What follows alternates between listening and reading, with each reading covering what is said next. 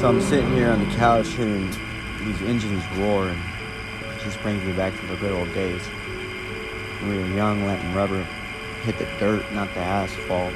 The dirt roads, small towns, country folk gathered.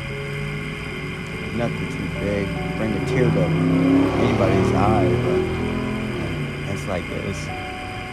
In life, it gives you challenges, it gives you trials and tribulations. What happens if your trials and your tribulations equal your challenge, the thing that you fear the most? In common society, everybody has one fear. It doesn't matter what it is, who it is, or how it's done, but somebody fears something. My fear is fear itself. Your fear is spiders, sleep, the dark. If you have one heartbeat. And one life, and there's nothing after life to have, what would your point be living? Work a fucking slave nine to five job, be a bum on the streets, drop music.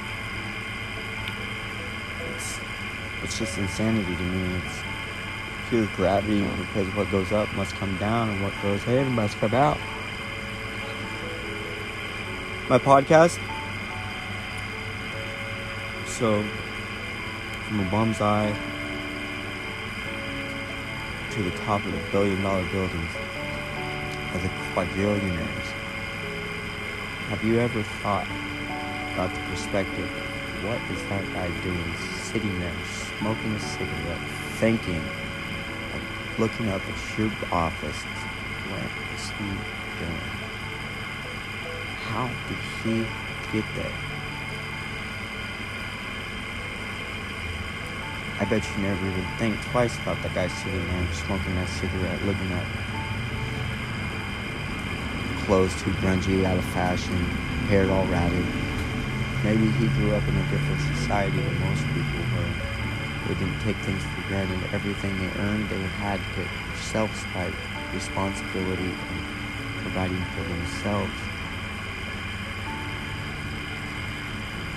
There's, I don't know if you remember that orphan story about that one guy that Mr. Whatever and then saved Christmas or some weird bullshit.